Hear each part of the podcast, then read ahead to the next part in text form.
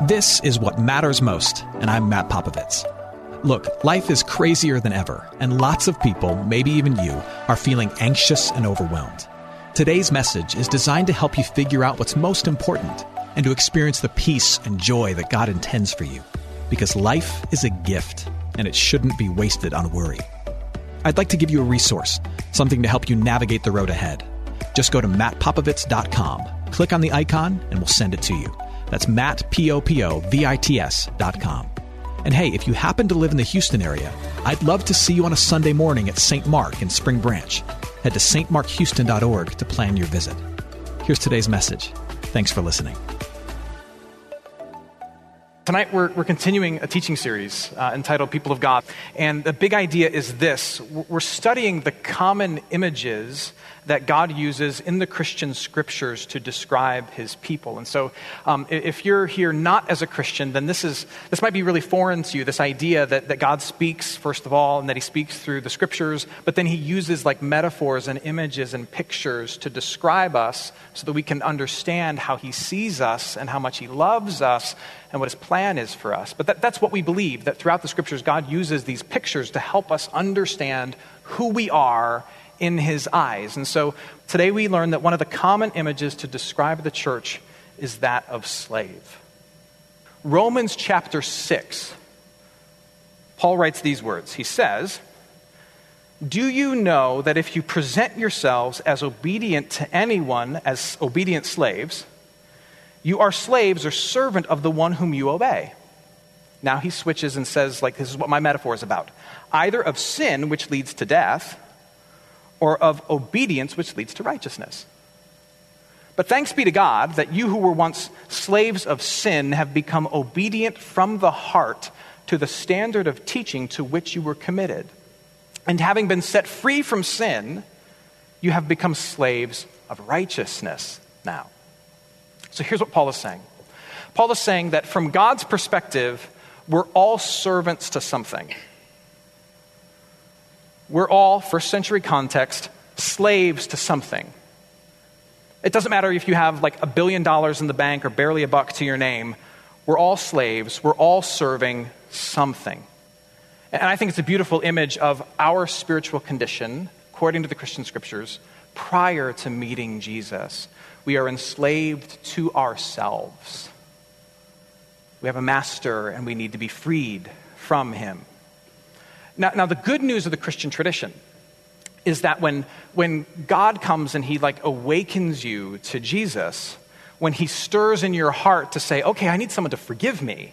I need someone to love me. I need someone to grant me access to the Father's family. I need someone to come through and like cut all those cords and free me. That the moment you, you are awakened to that through belief and baptism that a change does take place. Like, like the ropes get cut, and you are no longer captive to your sinful self when your heart lays hold of the promise of Jesus. Like that man gets to rise up and walk, and the chains are gone. But you're not a free agent still. You simply change teams. You go from being a slave to yourself to a slave to what the scriptures would call righteousness. You get a, a, new owner, so to speak, a new boss, so to speak. And we would argue it's a better one, and his name is Jesus. And when that happens, the entire focus of your life changes. Your life becomes about one thing. Your life shifts from being about yourself to being about obedience to the will and the ways of God. You become, as Paul says, a slave to right things, to God things to faith things. Now, that's the way it's supposed to go. But we're going to be honest here tonight and talk about how it really goes. Because Paul is talking about an ideal in some sense. I would say to you that there are, in reality, at least three stages to Christian maturity, so to speak three stages that the typical follower of Jesus go through on their road to becoming someone who is beholden to the beautiful truths of God. The first would be this I would argue to you that everyone begins by seeing their faith first as a gift they give to themselves. most of us come to Christ with some self serving motivation. And I don't think there's anything wrong with that. Because God uses that to get us here. But as you mature in faith, things change. So, as you come into church and you have faith in Jesus and you, and you kind of stay here for a while, faith becomes less a gift you give yourself, and you enter into stage two, it becomes more of a favor you do for God. That's the second stage.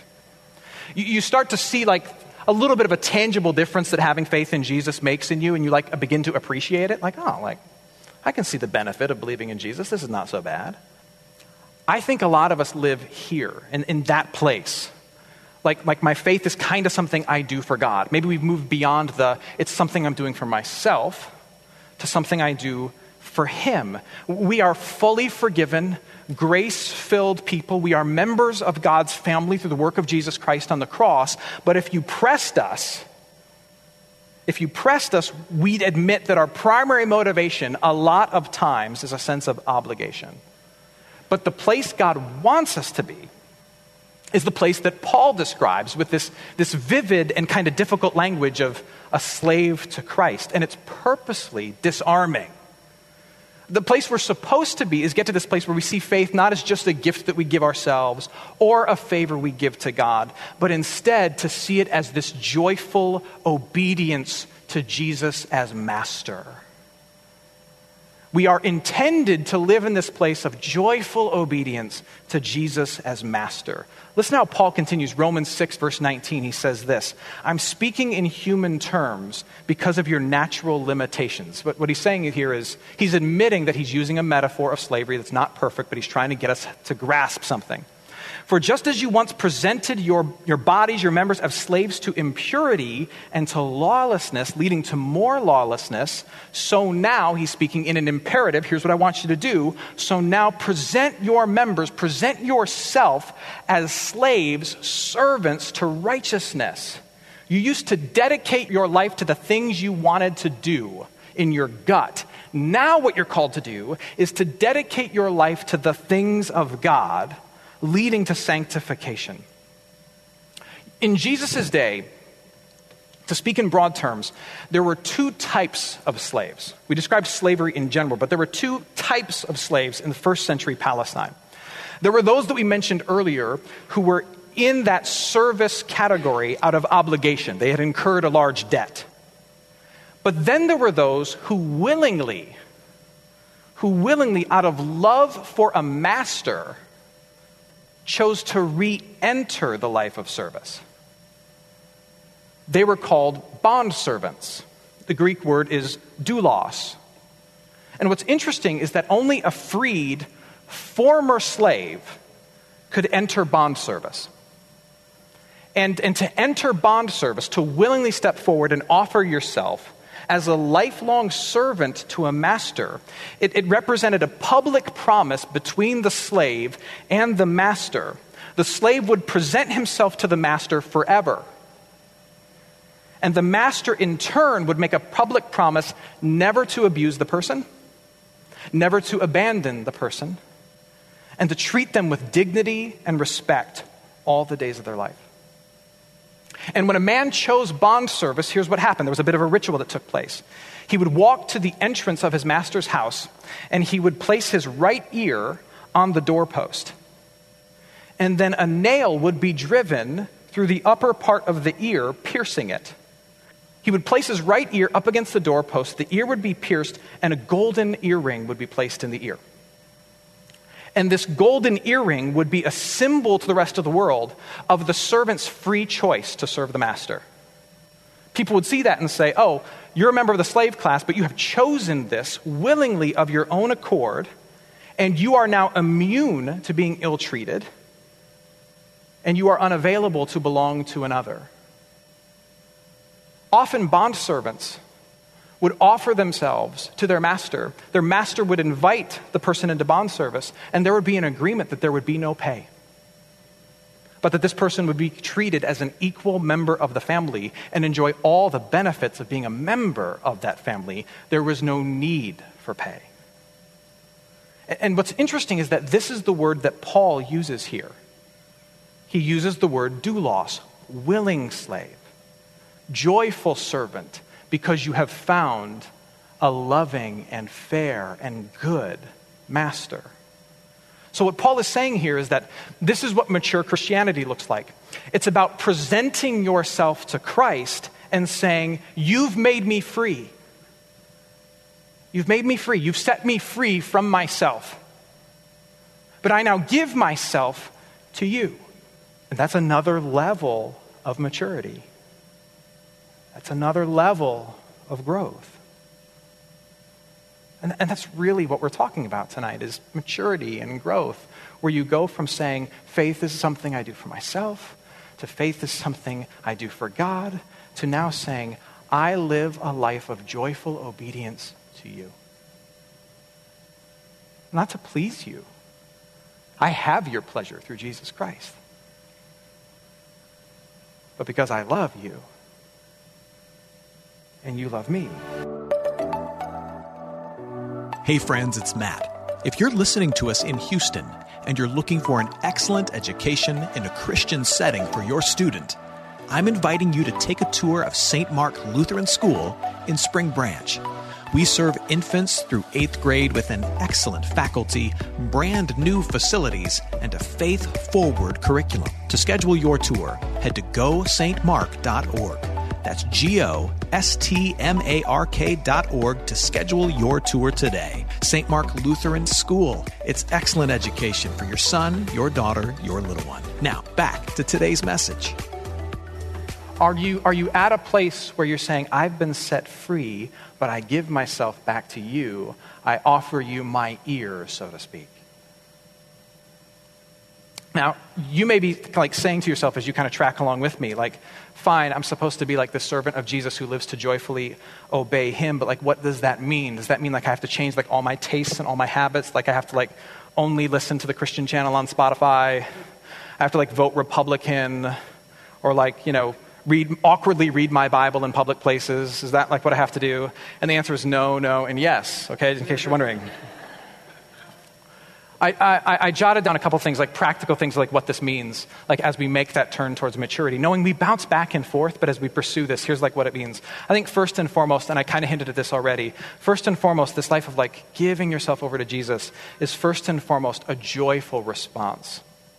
So if there's something in you that just feels like it's a have to instead of a get to, like you're just not there yet, and that's okay. Like pray about that. Ask that God would like put a new heart in you. In other words, when Jesus moves you to deeper devotion, it's never with attitude but with gratitude. Listen again to what Paul says in verses 17 through 18. He uses some interesting language here. He says, But thanks be to God that you who were once slaves of sin, just following your gut, have become obedient from the heart. That's the key phrase. You have become obedient from the heart. That's, that's just kind of a fancy way of saying, like, you actually want to do this.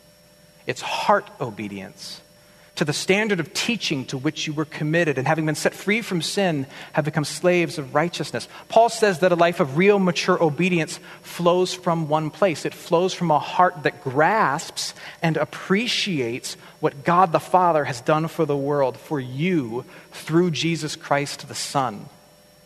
And, and if you are lacking joy to serve Jesus, my encouragement for you as your friend is not to just fake it till you make it or, or to just give up altogether. My encouragement for you is if you're lacking joy in serving Jesus, what you're really lacking is a sense of admiration, gratitude, and awe for the person of Jesus. And so find a way, any way you can, to get like re enamored with him and what he's done for you. Like, find a way to ponder, to study, to see from a new angle the fact that God in flesh came to this world and lived a life, not just for us, but lived a life for you. That he took on this difficult existence and lived it perfectly for you. That he made friends and lost friends and was killed by his friends for you that he came into this world and was homeless, yet faithful to his mission for you. That he came into this world and he, he died the death of a criminal for you. And then he rose from the dead, something no one else has ever done. He rose from the dead to, to conquer all the fears of death and rejection and nothingness that are in you. Like he invited the, the most outcast and broken and unlovely of people close to him and he touched them and he befriended them and he loved them. He made them a part of his inner circle so that he would send a message to the world that if he can love them, then surely he can and he does love you and accept you. Like, ponder that, rest in that, and let that stir joy in you. Second, and this is going to get really practical now, I think this heart of like devotion, joyful obedience to Jesus is a life of public allegiance to Jesus. And this can be kind of tricky for us, especially here, um, you know, in a, in a global city like New York. And, and I'm not trying to say anything crazy like you need to go be a street preacher or anything. If like that's your call on your life, fine. But just like don't invite me. Um, here's what I mean. For some of us, for some of us, it's time for us to stop hiding the subtle indications that we have a faith in something other than ourselves. And there are little subtle things that, that show the world that we have a faith in someone other than ourselves, in something other than culture, in something other than our own abilities. Um, and, and we tend to, because it's very easy, we tend to hide them. And I think part of living a life wholly devoted to Jesus is to discover what, what, does, what is the earring, right? Like, what is the subtle, easy to overlook, but if you see it, you can't miss it indication that you belong to somebody else? That you are living a life of devotion. Part of living wholly devoted to Jesus is refusing to be ashamed of that allegiance to Jesus. I'm not saying you say, I went to church and you should come or else you're going to go to hell. Like, no, don't do that. Just be honest. Like, this is what I do. For some of us, that's like just a huge, like, it makes our heart beat fast as we even think about doing that. But that's a part of it. Or like someone in your life is hurting and they're coming to you for help, and like you can give them money or you can visit them. You should do all those things. But like if you're a person who has a faith in a, in a God and he invites you to pray for people who are hurting and you're to pray for that person, like maybe as you list off the things you're to do for them, like maybe you also say, and I'm also to pray for you. And you don't like do it right then, but like let's get on our knees. You don't do that, but you just say, this is part of how I'm to love you. And you know that they might question that, they might gloss over that, they might receive that, they might be weirded out by that, but you're just going to say that that's what you're going to do because that's what you do. Like, you just, you're not ashamed of the tiny little earring that people might see, right? Or, or if you have the opportunity to show mercy and grace to someone who the city says doesn't deserve mercy and grace, and, and you take that opportunity, like you take that opportunity in a, not in a showy way, but not in a hidden way, even though you know that like you show mercy and grace to this person, other people might say to you, like, why are you like why are you being kind to them? Like they're a bigot, or why are you being like nice to them? Like they're the worst person in the world. And you get an opportunity to say, Well, like, I believe everyone deserves mercy. And, and I've received mercy. Like, that's it. That's all I'm talking about. Like, the small little indications of allegiance to something bigger than yourself. That's it. Third thing is last one. I think living as a slave to righteousness is an unrelenting devotion to growth. In other words, you, you know that your master Jesus wants good things for you, that he wants what's best for you, and so you are unsatisfied with staying the same. You have a sense of like holy discontent about your life. Like, I'm not okay with staying the same. Again, look at what Paul says in Romans 6, verse 20. He says, For when you were slaves of sin, you were free in regard to righteousness. Like before you knew Jesus, you didn't, you didn't care about the things of Jesus. But what fruit were you getting at that time from the things of which you are now ashamed? For the end of those things is death. But now that you have been set free from sin, you've, you've had the ropes cut, you stand up off the ground from that image and have become slaves of God, the fruit you get leads to sanctification and its end, eternal life. For the wages of sin is death, but the free gift of God is eternal life in Christ Jesus our Lord. In the ancient world, the relationship of a slave to a master was one that typically overwhelmingly benefited the owner. But in God's family, what we believe is that it works the other way around. When we refuse to mature, Jesus isn't missing out.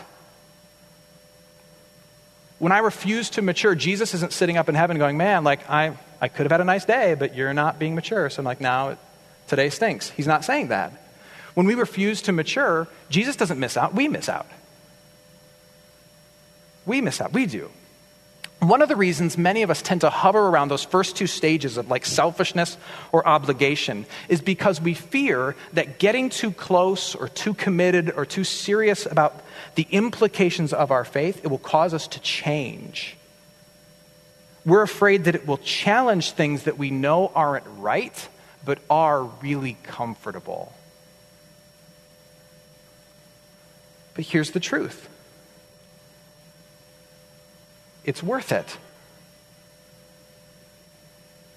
Like the challenge of getting closer, of getting more serious, is worth the discomfort.